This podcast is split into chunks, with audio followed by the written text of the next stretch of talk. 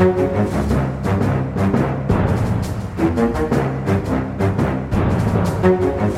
er vi i gang med denne ukens Aftenpodden. Vi er her i studio alle sammen. God dag, god dag, Trine Eilertsen. God dag! God dag, god dag, Kjetil Astheim. God dag. God dag, god dag, Sara Sørheim. Hei. Hei! Hei. Ja, skal vi bare være Det er, litt sånn, det er en vanskelig episode. Ja, denne uka er mørk og dyster. Ja. Det er ikke så lett å gå lettbeint inn i de tingene vi skal snakke om i dag. Nei, for vi, Eh, nei. altså, vi må jo ta uh, ukens store internasjonale hendelse, uh, Israel-Palestina. Kan jeg bare få lov til å være litt på sida av det først? Ja, By all means. Vi må, vi, det blir mørkt nok, så vi kan godt begynne et annet sted. Ja, ikke sant? For ikke å senke oss helt ned. Ja. Kan ikke bare én? Uh, jeg vil bare starte med, i en ellers mørk verden eh, Sånne fine høstuker som har vært nå, er helt suverent beste. Og i dag Altså, jeg skal ikke komme med min lille eh, skjebne, men jeg har nå vært eh, hjemme med mine to herlige små barn på ett og tre år, eh, alene i tolv dager. Fordi resten av familien har vært på jobbtur. Eh, men det er over i dag. Gratulerer, Lars. Ja, det er lov å feire, faktisk. Man må feire det man kan. Dette er jo å få livet tilbake, faktisk. Vær så god. Så, så det er en uh, liten gave, og, og det Altså, vi må ta tak i de små gleder vi har. Ja, for det er ikke sånn at det er når man titter rundt seg nå, sånn litt og løfter blikket litt, da, så er det liksom ikke Det er ikke så veldig mye å hente av sånn Å ja, men øh, øh, verden går stadig fremover. Den følelsen har svunnet hen. Ja, altså, jeg, eh, jeg, jeg så på et TV-program i går. Det skal jeg ikke snakke om i dag i det hele tatt, det programmet, men det var ett poeng inni der som handlet om stress. Ja. Og hva det er som gjør skiller mennesker som bor i samfunn der det er mye stress og lite stress. Og det som er i samfunn der det er lite stress, der har du opplever folk når de står opp at de kan håndtere all informasjon som kommer til dem, alle utfordringer de møter i hverdagen. De kan påvirke utfallet av det. sant? Du gjeter noen sauer, du kan bestemme om de går hit eller dit, du kan liksom få tak i mat, alt det der. Og så har du noen eh, samfunn som eh, våre, da, der du for så vidt har en håndterlig hverdag, men du, nyhetsstrømmen er så intens og så heftig, og hele tiden minner deg om hvor mye som skjer så ikke du kan påvirke, så du er ubevisst, så går du rundt med mer stress i kroppen. Folk i vår kultur gjør det, det er veldig, veldig helsefarlig. Eh, og den nyhetsstrømmen vi har nå, den er jo stressende for mange, fordi at du merker, du merker jo på en måte at du anspenner deg litt. Ja, setter seg. Ja, det setter seg litt i kroppen, for du kjenner at nå, nå skjer det så mye vanskelig, og det er vondt, og vi klarer ikke å påvirke, du blir bare sittende litt sånn maktesløs da. Så det er ikke bra Du får jo et behov for å forstå, ikke sant? Ja. Og, og sette det Hvordan hvordan skal jeg tolke dette? Hva, hva, er, eh, hva er konsekvensen av det? Ja, og det, det vil jeg si at den uka her, etter altså de uh, brutale angrepene i i Israel uh, i helgen, er bare av, som relativt få sånne store internasjonale hendelser har satt seg hos meg. Ja. Der har jeg fått en sånn ordentlig eh, Ja, en sånn uggen følelse som har sittet hele uka, og en nettopp den derre flyten av informasjon, at det blir liksom så Det er liksom polarisert, ikke sant, så det er liksom nesten umulig å måte, navigere i det og ta en posisjon uten å bli eh, satt i en bås. Eh, men også at jeg merker, og for å starte den, jeg har eh, på en måte blitt radikalisert selv av dette her. Hvordan da? Nei, eh, fordi at jeg er altså i utgangspunktet en, hva skal jeg si, en Palestina-venn i det store eh, bildet, det vil jeg jo fortsatt hevde å være, men altså den derre den terroraksjonen som var, er altså sånn det bare går inn på meg som så grusom, Ja. og som en sånn derre game changer, bare sånn, ja, men nå eh, ser jeg den situasjonen på en annen måte, liksom. Jeg bare kan så eh, mye mer forstå at det oppleves som en sånn eksistensiell situasjon. At bare sånn, hvis, hvis man liksom eh, Når det kommer folk og bare slakter ned hele familier, eh, liksom én etter én, og angriper eh, festivaler, Ja. så er det liksom Det er en sånn ut, Jeg får en sånn flashbacks til eh, Utøya-dagene, Ja. Mm. som er en eh, Og så, så er det selvfølgelig bildet veldig mye større, men det er liksom grunnleggende Følelsen du sitter med noe, sant? Ja. Ja, men det er, det er en gru, sant? Ja. Det der med å sette seg i kroppen. Det, og, og det som også er så forferdelig sånn Altså, nå fordi det utløser en krig, en krig, må man bare kunne kalle det det, så blir det også sånn at må bare rett videre inn i storpolitikken, på en måte. Og USA sender sitt største krigsskip ned, og man begynner å snakke, tenke på sånn Hva utløser dette av store globale Altså, blir det liksom Blir det en ny verdensomspennende krig ut av det her? Altså, tankene spretter så fort videre til det. Men, men, men du kan ikke bare liksom se dette angrepet, og så gå videre til noe annet. Altså, det setter seg jo, ikke sant, de historiene som etter hvert kommer til å komme. Vi har sannsynligvis bare fått liksom Egentlig bare skrapet litt i overflaten av hvilke grusomheter som har utspilt seg der, da. Men det er bare den, den cocktailen der, for å kalle det det, gjør bare at det liksom, hjernen min nesten bare går i frys. Det er liksom umulig å ta inn over seg hele, hele skalaen av forjævlige ting som nå foregår. Og hadde dette skjedd i et hvilket som helst annet eh, land, eh, det som skjedde på lørdag, så tror jeg det har vært egentlig utrolig lett for absolutt de aller fleste å bare eh, gå inn i din verden, Lars, og føle på det. Sant? Jeg tror veldig mange her, vi, vi kjenner jo på akkurat samme måten. Altså det, det er en forferdelig grusom terroraksjon. Det er ingen annen måte å, å karakterisere det på. Eh, Men så akkurat denne konflikten her gjør jo at det blir full splitt i laget når dette skjer. Fordi at det har et bakteppe, sant. Med, med Palestina, med Gaza, med blokaden, med den lange historien bak der som eh, vi sannsynligvis ikke rekker å gå gjennom her i dag, men vi kan komme med noen anbefalinger om folk som snakker seg gjennom det på en måte som går an å forstå. Mm. Mm. Jeg, synes det var, jeg så et kart en av disse dagene der, du, eh, der det var plassert litt, litt hvor disse angrepene, eh, terrorangrepene fra Hamas, hvor de rammet. Uh, Kibbutzer og, og landsbyer og, og sånt, rett utenfor Gazastripen. Eh, og da eh, slo det meg hvor nært den musikkfestivalen uh, var, lå på Gazastripen. Og det er jo eh, Altså, du, du, du får både fram det helt forferdelige, helt vanvittige Det gir, det gir jo helt Utøya-assosiasjon, ikke sant? Her er unge mennesker som er på Uh, musikkfestival og lever livet og har det kjempegøy, og så kommer folk og uh, massakrerer disse ungdommene. Eh, så du har det, og så har du samtidig den kontrasten som er eh, Som jeg tror da noen andre vil legge større vekt på. Så hvis, hadde, hvis det ikke hadde skjedd, da, eh, det er terrorangrepet, så hadde du sett denne festivalen med unge, frie, lykkelige mennesker rett ved et område som er innelukket, med veldig mange, en veldig ung befolkning, eh, i en veldig håpløs situasjon, altså de som bor på Gazastripen. Og der du har folk som, som ikke har, ser noe, har noe fremtidshåp. Den kontrasten blir også sånn- ekstremt stor. Og begge de, de tingene er jo en del av hele den historien om, om den konflikten. Og så det da eh, Og så er, så er jo ikke det at Du sa du, du følte at du ble radikalisert, men det er jo ikke det er jo bare at vi må forholde oss til det som er skjedd. Ikke sant? Det har skjedd noe helt ekstremt. Hamas har blitt eh, en sånn IS-organisasjon som, eh, som ikke har noen grenser. Og så Det må forholde seg til, og så må, må det svares på. Men da, da midt oppi det, ikke sant, mer, jeg merker sjøl at det er eh, som privatperson vanskelig å finne riktige ord, for at man blir veldig veldig bevisst på hvordan skal vi beskrive det her, for å ikke ubevisst eller bevisst ta stilling da, i konflikten. Det liksom legger en sånn hva skal jeg si, Det blir sånn hem, ikke en hemsko akkurat, den gjør det vanskelig å snakke om det. Både sånn sosialt og privat, men i journalistikken og i offentligheten. Eh, Jeg har irritert meg de siste dagene over at det blir en sånn retorikkdiskusjon rundt det her. ikke sant? Skal vi kalle Hamas for en terrororganisasjon eller ikke? Og det kan jeg fortsatt kjenne på, at når, når barn, ungdommer, mennesker, gamle slaktes ned og dør, skal vi virkelig sitte her og diskutere retorikk? Den kjenner jeg på. Samtidig så ser jeg at det er også viktig fordi her er denne Her er hele bildet så utrolig lada at hvis man bruker feil ord, så får det en konsekvens. Sant? Så jeg ser behovet for at her må vi klare, vi må klare å kalle en spade for en spade i denne saken. Vi kan ikke unnskylde grusomme terrorhandlinger og kalle det et motstandsangrep, for eksempel, motstandsbevegelsen, for eksempel, om Hamas nå. Det, altså, det blir altså så feil, og det blir, det, blir det må man unngå. Men jeg bare kjenner det også gjør det så forbanna vanskelig å orientere seg i denne saken, og da blir det enda lettere å bare la være å gå inn i det. Sant? Men det- Instinktet da blir bare sånn Kan ikke forholde meg til det. Og det går jo ikke. Men jeg har hørt, eh, jeg har hørt eh, mye, sånn som du gjerne gjør når store ting skjer. Så tenker jeg må bare, jeg må bare forstå, forstå. Sånn tror jeg mange av våre lyttere har det òg. Og da har jeg eh, stupt inn i podkaster, engelskspråklige podkaster fra Israel, fra USA, fra England, bare for å høre liksom hva inngang vi har i de forskjellige samfunnene. Da. Det er jo mange språk jeg ikke kan, dessverre, som jeg ikke Derfor nytter jeg ikke å høre på det.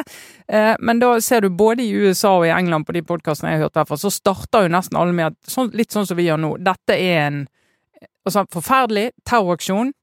Eh, men pga. bakteppet så er det vanskelig, og vi ser at det blir enormt polarisert med en eneste gang. Eh, og så eh, snakker vi mye om dette minefeltet, det å diskutere det, ennå hvor langt unna vi sitter, da. Eh, men så når vi hører på de podkastene i Israel, har Haaretz, den største eller eldste avisen i, Israel, og, Times of Israel, de, de har en daglig podkast, og Haaretz har en ukentlig podkast.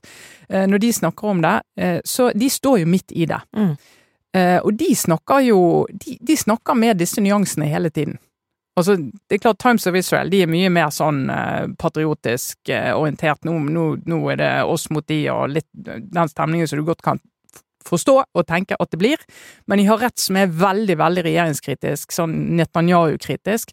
Så de går jo på dag én så begynner de å kritisere. Sant? Netanyahu, eh, den høyreekstreme regjeringen, liksom politikken de har drevet, og ikke minst ikke drevet, Mm. for, å, for å, at Israel skulle være et annet sted enn der de har plassert seg.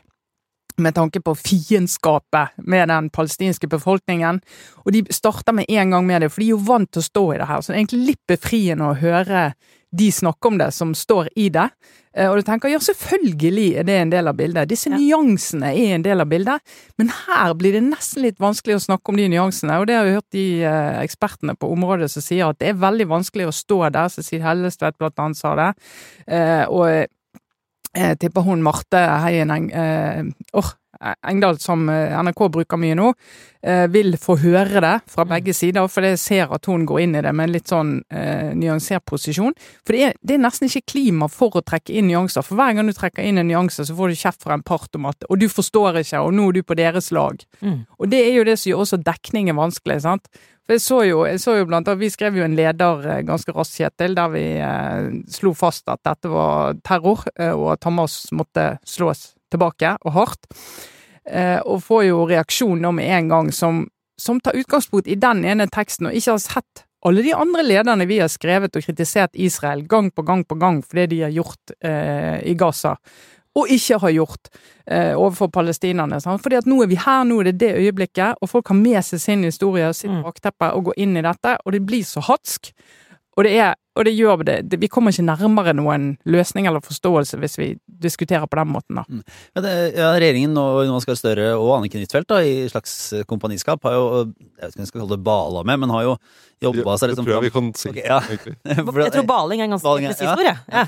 De har valgt med å, å, å finne ut litt sånn hvordan, eh, hvordan de skal omtale Hamas nå. Eh, For det har jo vært eh, et spørsmål om man skal kalle det ikke sant, er det en terror eh, hva si Først var det sånn, er det terror? Eh, Er det en terrororganisasjon?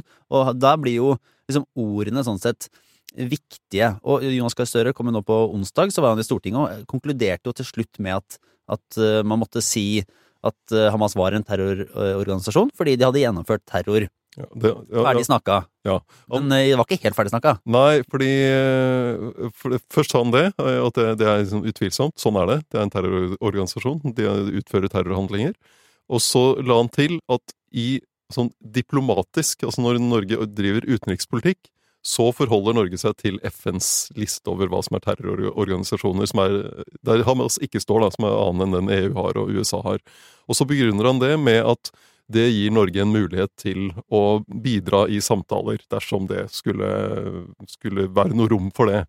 Eh, og det er jo et veldig vanskelig budskap å formidle, ikke sant? Fordi eh, det er kommet krav eh, fra flere partier, de må kalle det en terrororganisasjon. Det er litt som, eh, som eh, Emilie Enger Mehls situasjon da hun skulle snakke om den masseskytingen eh, 25.6 i fjor. Der hun fikk mye eh, sånn kritikk fordi hun ikke kalte det terror. Mm. Og så var hennes problem at hun er justisminister. Hun skal ikke blande seg inn i hva påtalemyndigheten gjør, eller hva politiets etterforskning.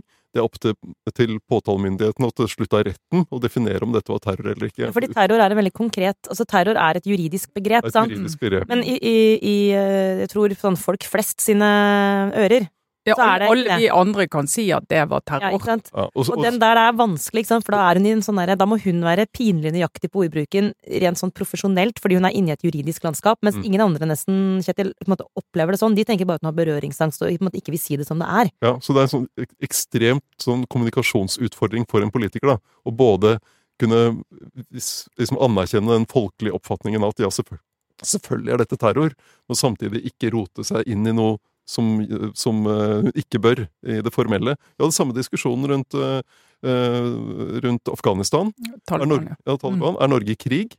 Og der sa jo regjeringen nei, vi er ikke i krig, men det er krigslignende handlinger. Ja, ikke sant? Og så er, eh, som vi også hadde det med, med de formelle tingene å gjøre. Men alle, altså, i, all, i dagligtale for alle og for de soldatene som var der, så var det jo krig. Ja, men er, og er ikke det her På et eller annet tidspunkt så blir jo den Man kan liksom forstå den de teoretiske begrunnelsene for å skulle være forsiktig med disse måtene å snakke på, men det er bare sånn øh, Ja, men du flyr inn med hangliner og dreper ungdommer og, og, og skyter barn i sengene sine, liksom. Da og du, er, du, er sty, du er skryter av det etterpå, Mm. fra toppen av organisasjonen, du er en terrororganisasjon. Samme hva eh, Mm. Støre kaller det, hva andre kaller det, så vil jo motstanden mot å på en måte forhandle med dem, da, Til å vil være liksom begrunna i hva de har gjort, ikke hva man kaller dem, på en måte, eller er det Nei, men det var jo dit de kom til slutt, da. Ja. Det som er litt merkelig, er hvorfor brukte øh, regjeringen så lang tid på å få liksom formulert det budskapet tydelig?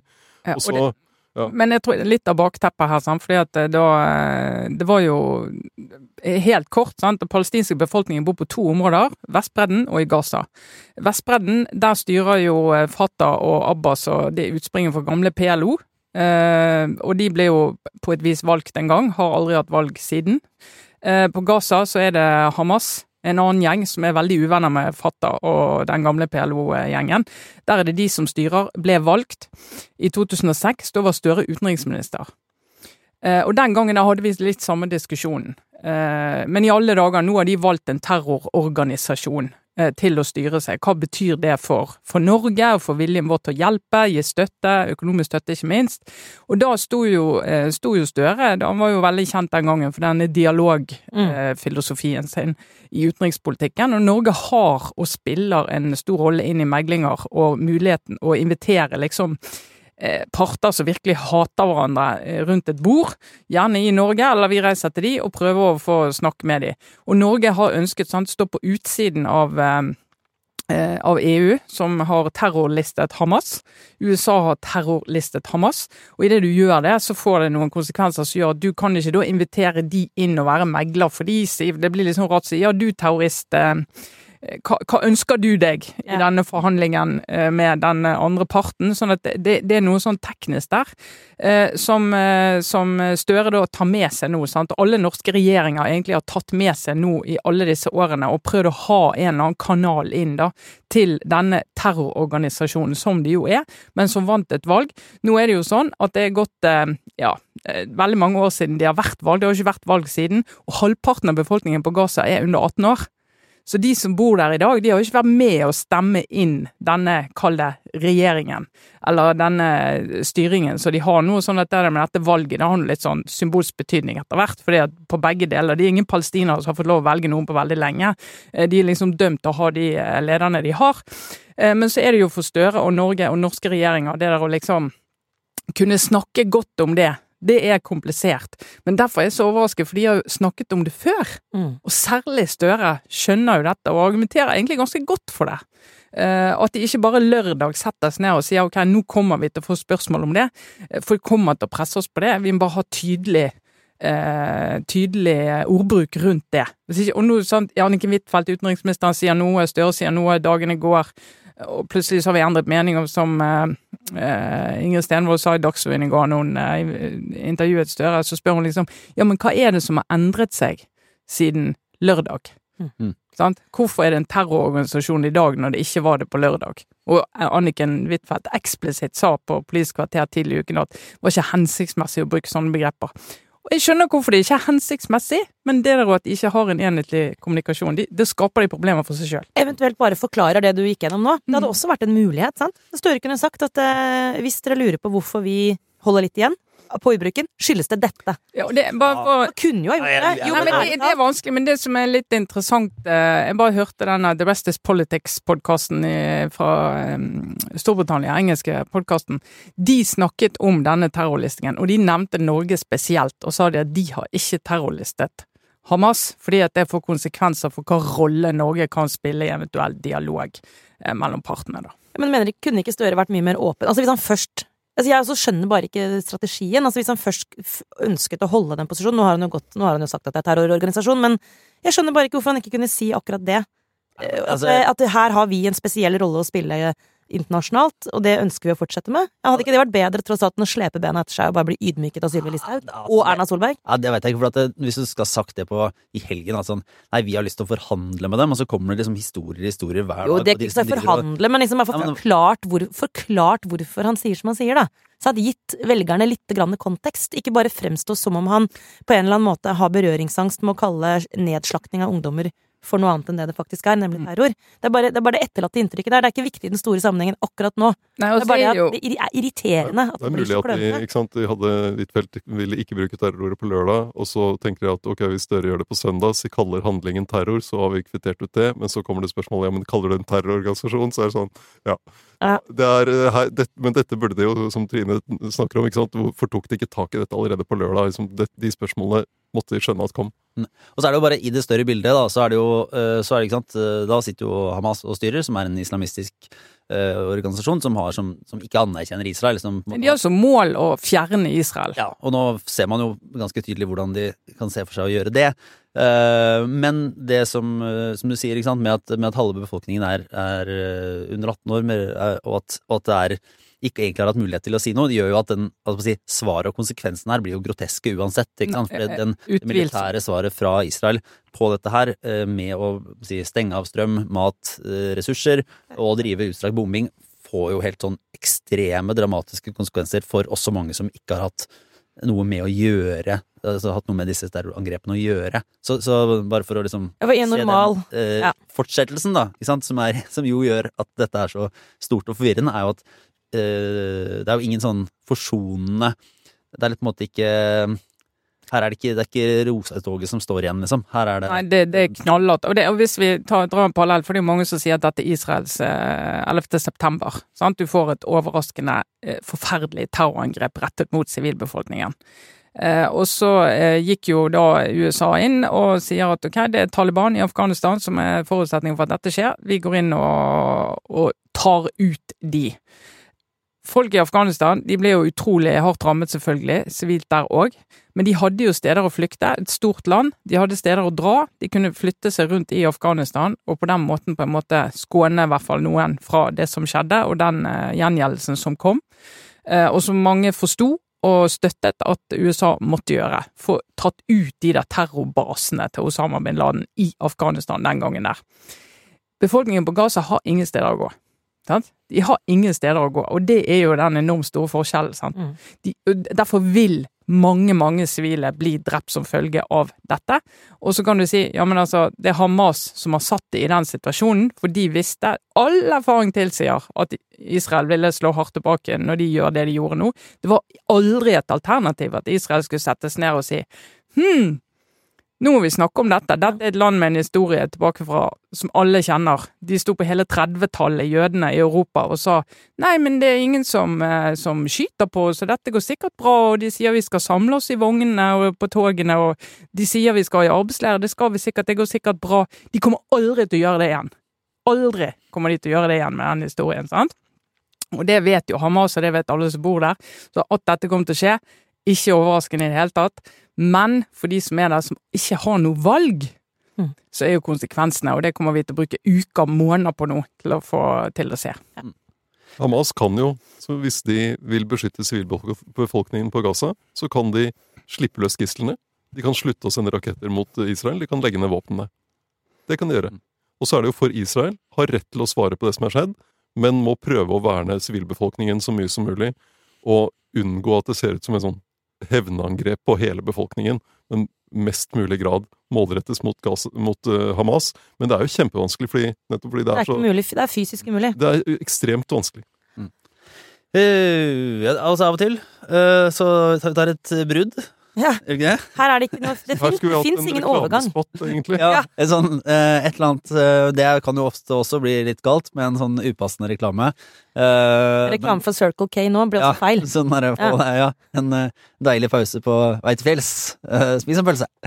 Eh, men videre på egentlig Anniken Huitfeldt er jo en eh, slags eh, bro, men hun har jo Ja, altså, jeg kan jo bare skyte inn, da, men altså, for at det, akkurat vi snakker om sånn, det er rart de ikke har snakket bedre sammen. Det må da være mulig å stokke beina på hvordan de skal kommunisere rundt dette. Så kan vi jo kanskje bare sånn Det er ikke, det er ikke sikkert at det er det aller beste samarbeidsklimaet akkurat nå mellom statsministeren og utenriksministeren.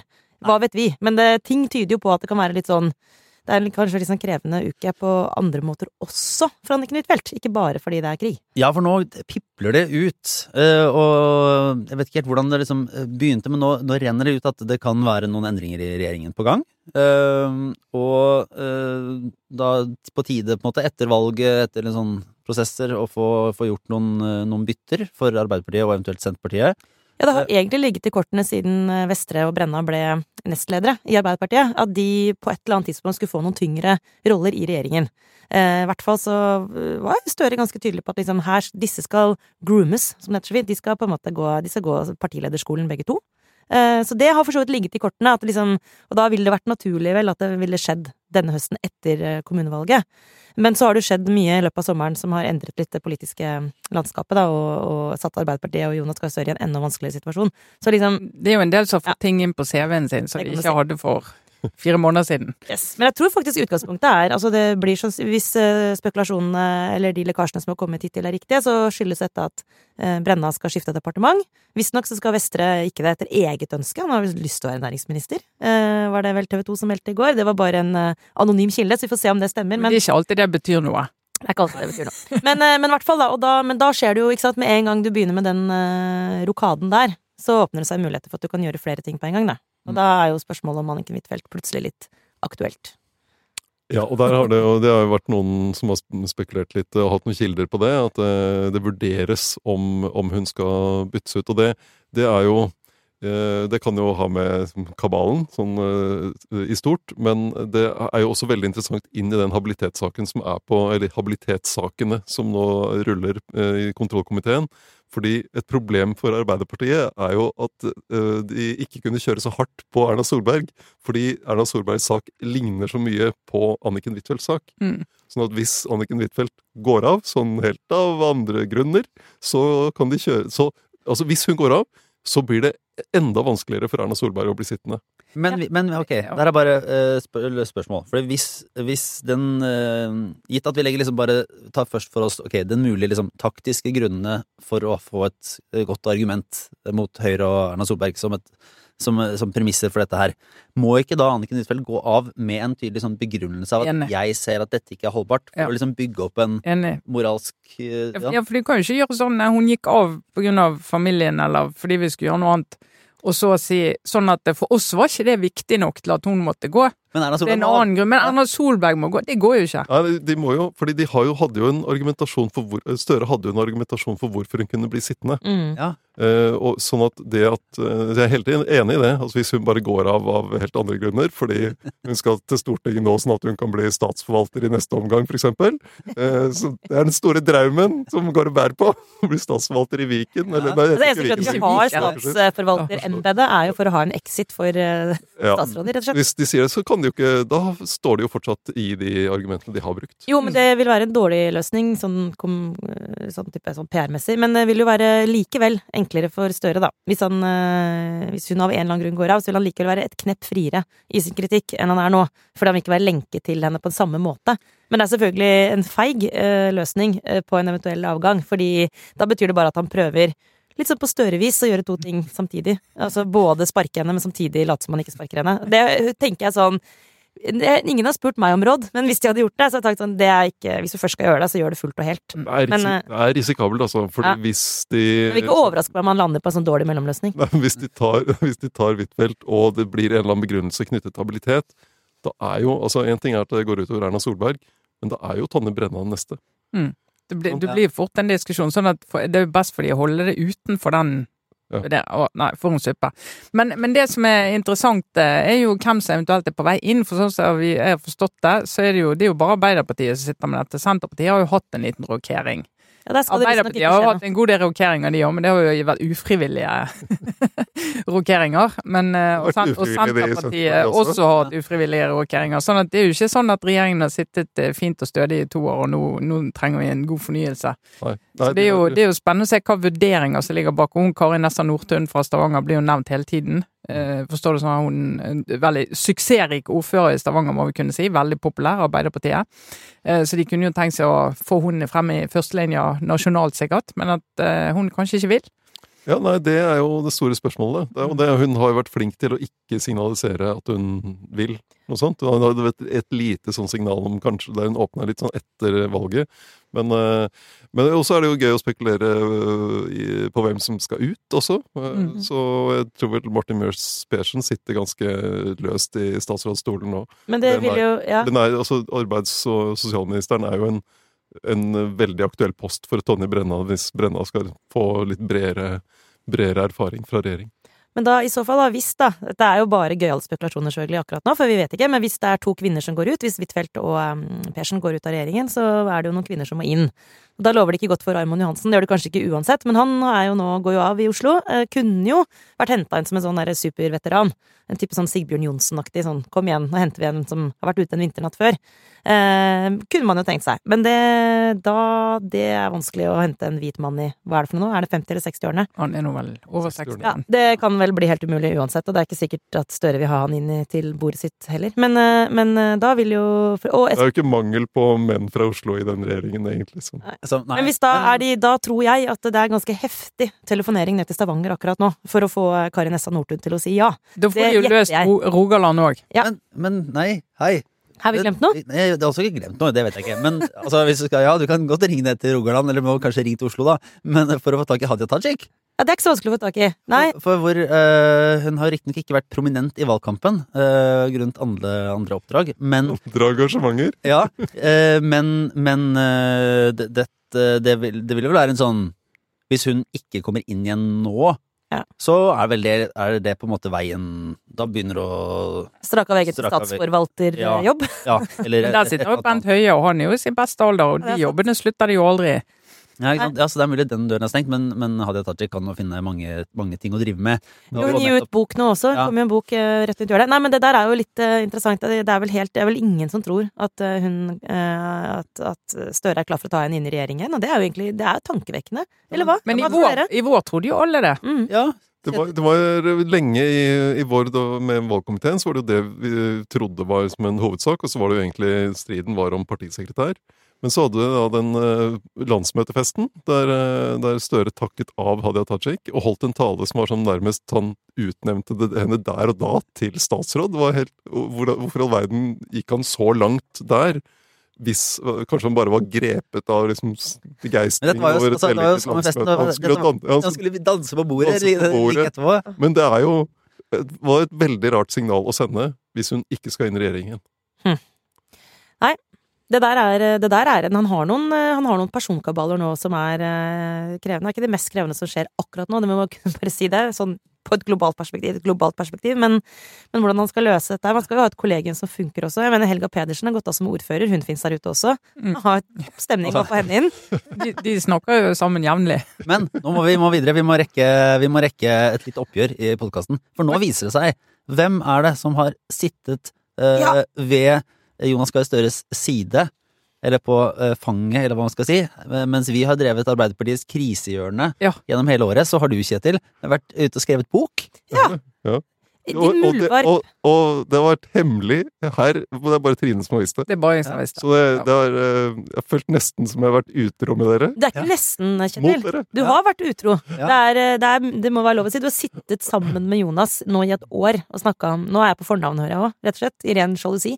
Eh, i, og snakka om, snakka med han om krig. Mhm. Krigen og alle, alle krisene rundt. Så det, mm, det, har vært, eh, det har vært veldig spennende, interessant og eh, ja, eh, hektisk. Ja, men jeg må bare sette dette. Det er jo en eh, For det er eh, Altså, du har, har, du har eh, hatt, eh, gjort flere lange intervjuer med Jonas Gahr Støre om egentlig eh, Ukraina-krigen. Ja, Ikke sant? så det, det begynte med at eh, eh, noen i Aschehoug hadde lest eh, en kommentar jeg hadde her i Aftenposten i oktober i fjor, om den eh, enorme oppgaven som, eh, som han som statsminister har fått med å håndtere den krisen som Ukraina-krigen har utløst for, for Norge og Europa. Eh, og så, De hadde lest den, og så hadde de sett denne dokumentaren da Macron ringte Putin. Nå er det da Kjetil, da, Kjetil ringte Jonas. så, så vil de ha en, de vil ha en, sånn, en sånn bok. Så det, så det er eh, Og da sa jeg at da, da må jeg gjøre det på eh, det må være på journalistiske premisser. Det er eh, min bok, ikke en autorisert biografi eller autorisert bok. Han har jo hatt sitatsjekk, selvfølgelig. Og så har jeg intervjuet ham ved flere anledninger da det siste året, og, og lager en fortelling fra stortingsvalget 21 til kommunevalget i høst. Og så har det jo vært noen dilemmaer. Det, det snakket jo vi om, Kjetil, det, da du begynte. Ja, fordi det, eh, det som også var, jeg gjorde klart fra start, var at hvis det kommer sånne breaking news i de, i de intervjuene, så må, er min jobb nummer én den jeg gjør i Aftenposten.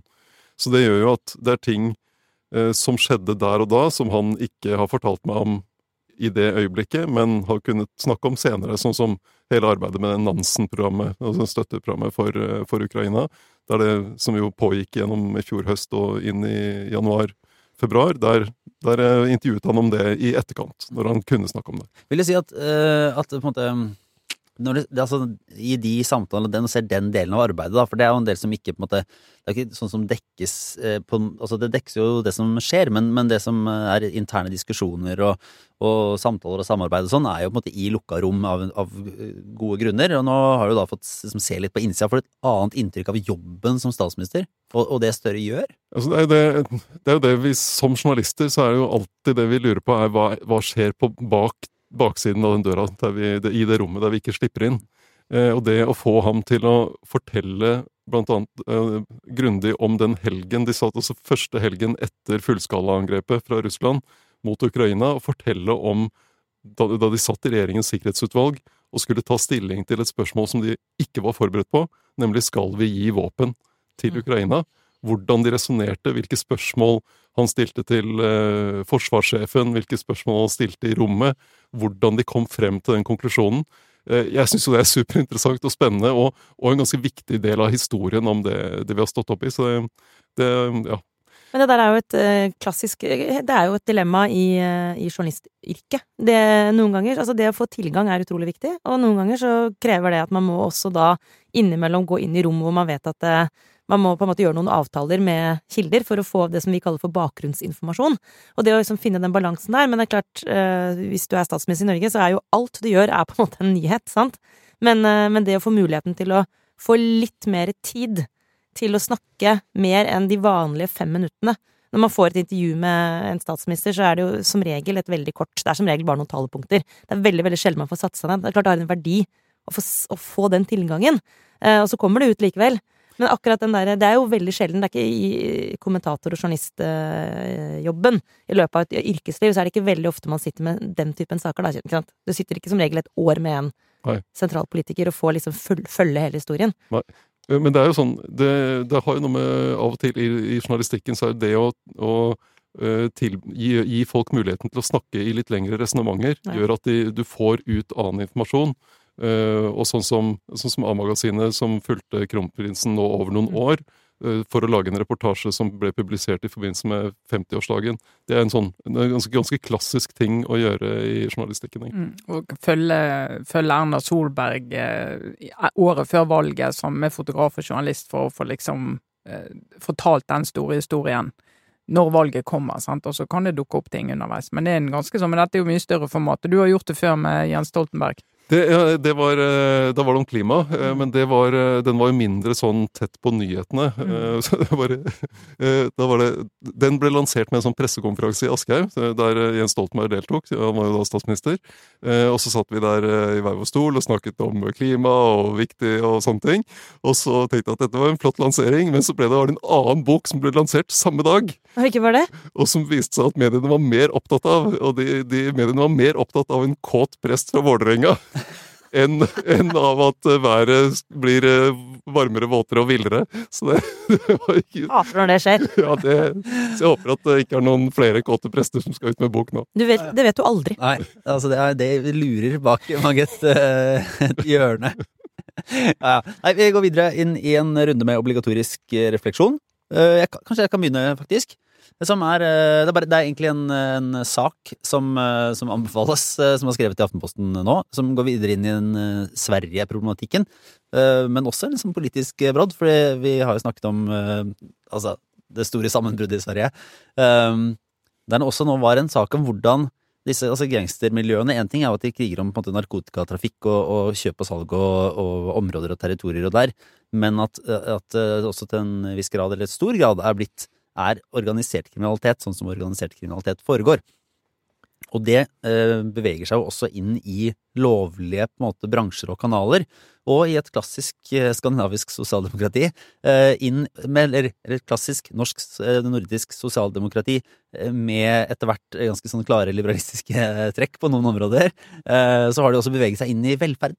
Så nå har vi Ja, selvfølgelig, for det er jo en gullgruve hvis du er litt uh, Hvis du er i stand til å organisere deg og er kriminell. Ja, og hvis du er 100 kynisk, Ja. eh, og ikke og forholder deg til grupper som kanskje ikke vet hva de kan forvente av et uh, velferdssamfunn, så kan man jo da begynne å drive liksom tannlegetjenester, legetjenester, måte i noen tilfeller liksom skoleaktig liksom fritidstilbud, ting som får støtte fra det offentlige, og som kan bare drives dårlig, og som man henter ut penger og kan drive en for- Og dette, da, dette, dette skjer i vårt kjære naboland. Så, så svenske si, Økokrim advarer og, og viser jo til at den Det her kan jo norske si, uh, antiprivatiseringskrefter kaste seg over om de Ja, vil. Velferdsprofitør uh, Ja. 2.0, Ja. liksom. Bare Det er, ganske, dimensjonen i det hvis vi slipper dette helt løs. det er litt kjipt hvis du sender ungen din i barnehagen, så er det sånn Å, ok, barnehagen er drevet av Bandidos, liksom. Det er akkurat. Flott. Vil du helst ikke det? Nei, altså, eksempel, men eksempelet er jo da at, at uh, de i stor grad har henvendt seg til grupper som ikke har, en si, eller eh, forventninger, og, og vet hva de Sånn at det var liksom tannlegetjenester som, som tar bilder med mobilen inn i munnen og sier at det er altså, fakturerer det. Å, som- som- Det er trygdesvindel, da. Altså, det, er jo, det er jo rett fram med svindel og bedrageri. Så, så det er jo ikke det, men at det, måtte eh, hvordan den svenske måte, tillitsmodellen, da, som vi også har i Norge, og egentlig økt digitalisering, fører til at du, liksom, det er mange prosesser og, og ting som foregår som kan utnyttes hvis du bare er gjennomorganisert og, og kriminell. Da. Så en uh, interessant sak som, uh, som kan leses. Jeg skal lenke til den i nyhetsbrevet. Og så kan jeg bare si, det er vel bortimot utsolgt, faktisk, på årsoppsummeringen vår Oi. på Sentrum Scene 6. desember. Gøy. Jeg tror nå det er bare liksom en håndfull billetter igjen. Så vi får liksom se litt hva vi gjør hvis det blir bankende utsolgt halvannen måned i forkant. Vi, vi, vi må i hvert fall møte opp. Vi må i hvert fall møte opp. Flytte til Spektrum, da, kanskje. Ja, da, ja, det får vi Så det Bærum og Beyer fylte jo Spektrum her, eh, var det den uken eller forrige? Så Ja, det er klart. Fylt og fylt. Altså, Spektrum er jo sånn du kan lage så stort du vil. Ja, ja, ja. Så du kan jo bare si 'jeg fylte Spektrum'. Fylte et møte Men dere, på jeg fikk en vill idé. Skal ikke bare fylle Spektrum ti ganger? Ja. Men da må vi ha danseshow, så er du klar over det? Ja, det, det er Ja. danser ikke. Bare det er, det er veldig sent. Ja. Uh, nei, eh, vi kan eh, fortsette. Åssen er det med deg? Nei, altså, jeg, jeg, blir jo litt sånn enøyd Jeg vil si nesten litt maskulin i innretningen min når du ser sånne store, store nyhetsting. Så da, da er jeg bare opptatt av det. Ja. Så nå er jeg bare opptatt av Hamas og Israel og alt det som skjedde i helgen, og som fortsatt skjer og skal skje lenge. Så derfor så har jeg Jeg nevnte det så vidt i sted, men jeg kan bare nevne noen podkaster som jeg i hvert fall har hatt Jeg skal ikke si glede av å lytte men nytte av å lytte på. Eh, Og det ene er altså Haaretz sin podkast. Ukepodkast. H-a-a-r-e-t-s. E Israelsk. Times of Israel har en daglig podkast, litt sånn etter eh, modeller forklart. Eh, Der de tar for seg egentlig det som skjer akkurat nå, der.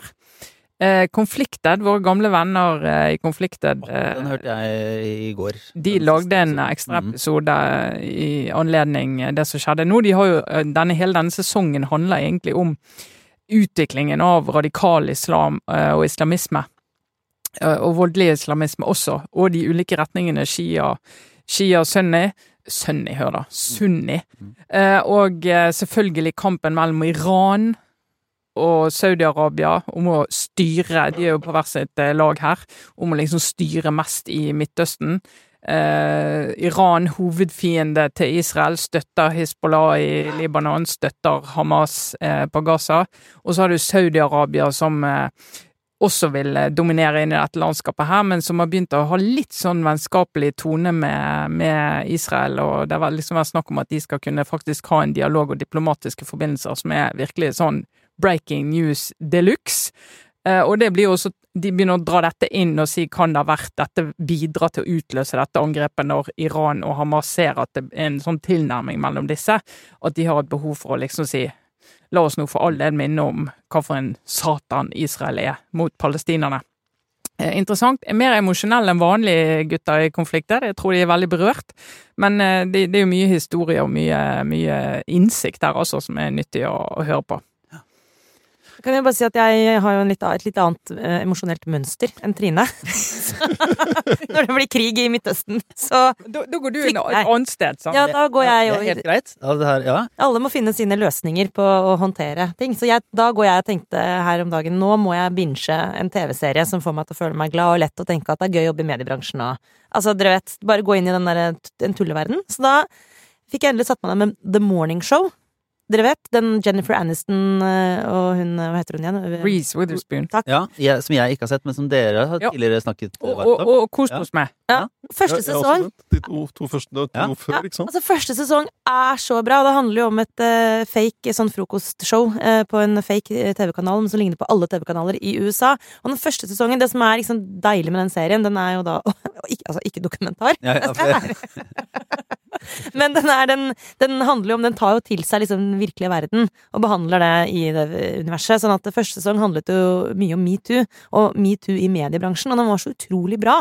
Det var, det var liksom skikkelig Jeg tenkte sånn, Dette her er både underholdning, lettbeint for all del, men er, det er liksom en kjerne her av De behandler virkelig sånn go, på en god måte disse ganske kompliserte spørsmålene. Sesong to, da var det plutselig blitt covid. Og da begynte jeg å kjenne sånn Ja, det er, det er fortsatt litt Det funker jo fortsatt det her, på en måte, men nå Åh! Nå var ikke det mer. Jeg elsker egentlig The Morning Show, men nå i sesong tre så kjenner jeg sånn Vet du hva, det her Jeg må virkelig jobbe for å fortsatt være entusiast. Nå er det men, men, sånn stakkarslig forsøk på å trekke Men- inn men du står i det. ja, for det var det som Du må jobbe for å være entusiast. Du kan bare slutte å se. Nei! Nei, vet du hva, sånn Jeg har det sånn Jeg er, føler du, meg er du sånn når du har begynt, så må du se det ferdig? Ja. Ok, Og jeg føler, meg, jeg føler liksom at det er sånn, nesten liksom på grensen til utroskap å bare liksom droppe det. Men det, er- det er så dårlige skuespillerprestasjoner! Det er det som irriterer meg. De er så dårlige. Det er så dårlig altså, scenene dårlig er så manus, Ræva manus. Her- Jennifer Aniston, bless her soul, men nå Dette går Alex Levy, skjerp deg, liksom. Hun er ikke i stand til å spille én scene uten at det ser bare ut som en parodi på en dame som har mista det, liksom. Så det Nei, æsj! Jeg er sur for det. Jeg var anti-anbefalingen i dag. Ah, Ja. Men altså, jeg skal se den ferdig. Jeg har bare sett er veldig er veldig, veldig mørkt her, altså. Ja. Du, du aner ikke hvor mange serier jeg har begynt på. Og som sagt, Game of Thrones har jeg jo sett én, to og tre episoder. To ganger har jeg sett det. Jeg har prøvd. Men så bare tenker jeg, jeg kan ikke, jeg kan, livet er for kort. Men det kan hende fordi jeg har bikket 50, Sara, så jeg ser at livet er snart slutt. Så jeg kan ikke kaste vekk for mange timer på TV-serier som ikke gir meg noe. Så det, det der, du må snart, du må, du må ikke se serier som plager deg. Nei, men jeg syns det er vanskelig å gjøre det slutt med serier. Men også er det her, det her er jo ikke for å dra Jeg skal ikke dra Det er veldig veldig farlig å dra for storpolitiske paralleller. Okay. Du trenger ikke å være en Når du, når du ser at TV-serien din ikke leverer, Ja. så trenger du ikke å være en entusiast fortsatt. Liksom. Da kan du bare si Da må du kritisere din egen TV-serie. Og så må du ikke, sånn, ikke unnskylde det den øh, driver med. Men da tenker jeg kanskje det er jeg som gjør noe feil. Nei. Nei, nei, nei. Nei, nei, nei. Jeg må snakke med psykologen min om Ja. det her. Jeg merker det. Men takk for gode råd på veien langs livets landevei. Åssen er det med deg, Kjetil? Nei, jeg tror Hvis jeg ikke hadde sett dem før, så ville jeg sett en Valley of Tears, som ligger på HBO, som handler om uh, Jom Er det den jeg skal se isteden? Jom Kippur-krigen. Ja, du blir, du blir ikke glad Det av er den. det er ikke flukt fra brutale realiteter, Nei, men det er mer brutalt. Det er i hvert fall krig sånn som krig var Eller, i gamle dager. Eller Fauda, som vi har snakket om før, som ligger på Netflix. Uh, om de der uh, israelske spesial... uh, ja, soldater eller, som, som gjør mye. eh, og mye går galt. Men, men det jeg egentlig skal fortelle om, siden Ja. det, det er jo så svart i dag Jeg har sett en fransk svart-hvitt-film. Å, herregud. Du bare Du driver med sånn Living the Brand-greier. Ja, ok. bra. Svart-hvitt film. Få høre. Eh, Nei, men uh, dette begynte med at jeg fikk uh, en anbefaling fra uh, en som står meg nær, om et soundtrack som jeg ikke hadde hørt fra 1958. Er det nå, nå Som er Ja, nå, nå, nå, tar jeg det helt ut. ja. Svart hull i ditt soundtrack. Som er, ja, som jeg ikke hadde. Ja, Miles Davis spilte inn. Eh, og dette var eh, Han og eh, bandet hans var i Paris for å spille noen konserter, og så kom da en filmskaper og sa hør, hør jeg driver og spiller inn en film, kan ikke dere lage soundtrack? Og så gikk de ned i studio og holdt på en natt og bare improviserte inn soundtracket til denne filmen. Så jeg hørte på det soundtracket, tenkte jeg må jo se filmen også. Ja, relativt gode musikere, med andre ord. Rett og Mm. slett. Eh, filmen heter 'Ascenseur pour le chapeau', uh, som er heisen til uh, skafottet Altså, eh, av Louis Malle. se for dere Jonas Gahr Støre og Kjetil Astheim Ja, herregud, sitter og jazzer med de bokstavelig talt jazzer Ja. med gutta. ja. Og den, men den, er jo, den ligger jo ikke på noen strømmetjenester. eller noe merkelig Nei. Så rart. Ja, det var rart. Men der har man jo redningen, ikke sant? Folkebiblioteket. Deichman hadde jo den. Deichman på Grünerløkka. Kunne bare bestille på nett og gå ned og plukke den opp. Og kose meg med En VHS. Ja, jeg, jeg, jeg har jo lett, etter Det var en gang et menneske, tegneserien fra 70-tallet. Den har jeg på DVD. Ja, har du det, ja? Mm. Ja, nettopp. For der, jeg tenker kanskje biblioteket som løsningen. Men der ser du hvor jeg er, og hvor du er. ja, men da Men var det ikke utrolig kjedelig å se Nei, på altså, filmen? den er, eh, det er eh, Nei, den var ikke det, altså. Men eh, det er jo Det var ikke dritgøy heller. Nei, men det er, veld, det er jo veldig annerledes fra de filmene som, eh, som lages nå. Det er jo lange partier der det er nesten helt stille. Sånn. Ingen musikk eller Det får jeg så panikk av. Det verste ja, jeg vet. Men det er en thriller, så det er litt meningen. så det er anbefalingen. Jeg, jeg foreslår at eh, Ascensør pour le chapeau ja. Dette må du skrive i nyhetsbrevet. og film på svart-hvitt. Åh, nei, det var uh, ja. Noe for enhver, da. Noe for enhver. Ja. Så bra. Da tror jeg vi bare runder av. jeg. Eh, det går opp og ned. Eh, Vi får eh, bare oppfordre alle som Vi har sikkert vi, Har vi beveget oss ned i noen grøfter? Har vi gått har vi? Helt sikkert. Helt sikkert. Helt sikkert. Beklager. Vi tar bare en generell sånn beklager for alt vi har sagt som sikkert ble litt upresist og Ja. Det var i beste mening. vi, ja, vi, det var i beste mening. Det er det som er vi. Det er for- det er ekteført Det var i beste mening. uvitende, Ja. i så fall. Hvis vi har gjort noe gærent. Så eh, Det er ikke lett. Det er ikke lett. Er ikke det, vet du. Nei. Eh, tusen takk for denne gang. Vi er tilbake neste uke med en ny episode av Aftenpodden. Ha det bra. Ja. Det finnes spørsmål som ikke er så enkle å google eller chat-GPT seg fram til. Typ renta. Hvorfor må den absolutt opp, opp, opp? Finnes det ingen andre løsninger? Og kan klimakrisa overhodet løses i et demokrati? Og hvorfor straffer vi folk til fengsel selv om de ikke har gjort det med vilje? Som han vaktsjefen på fregatten Helge Ingstad. Hva er poenget? Jeg heter Marit Eriksdatter Gjelland, og i denne podkasten Dypdykk nerder jeg og kollegaene mine på tema som former tida vi lever i. Mest fordi vi bare er genuint nysgjerrige og fant ingen svar da vi googla, men også for å gi deg en helt ny innsikt og ta med til bordet neste vennepils. Sjekk ut Dypdykk i Aftenposten-appen eller hos Podme.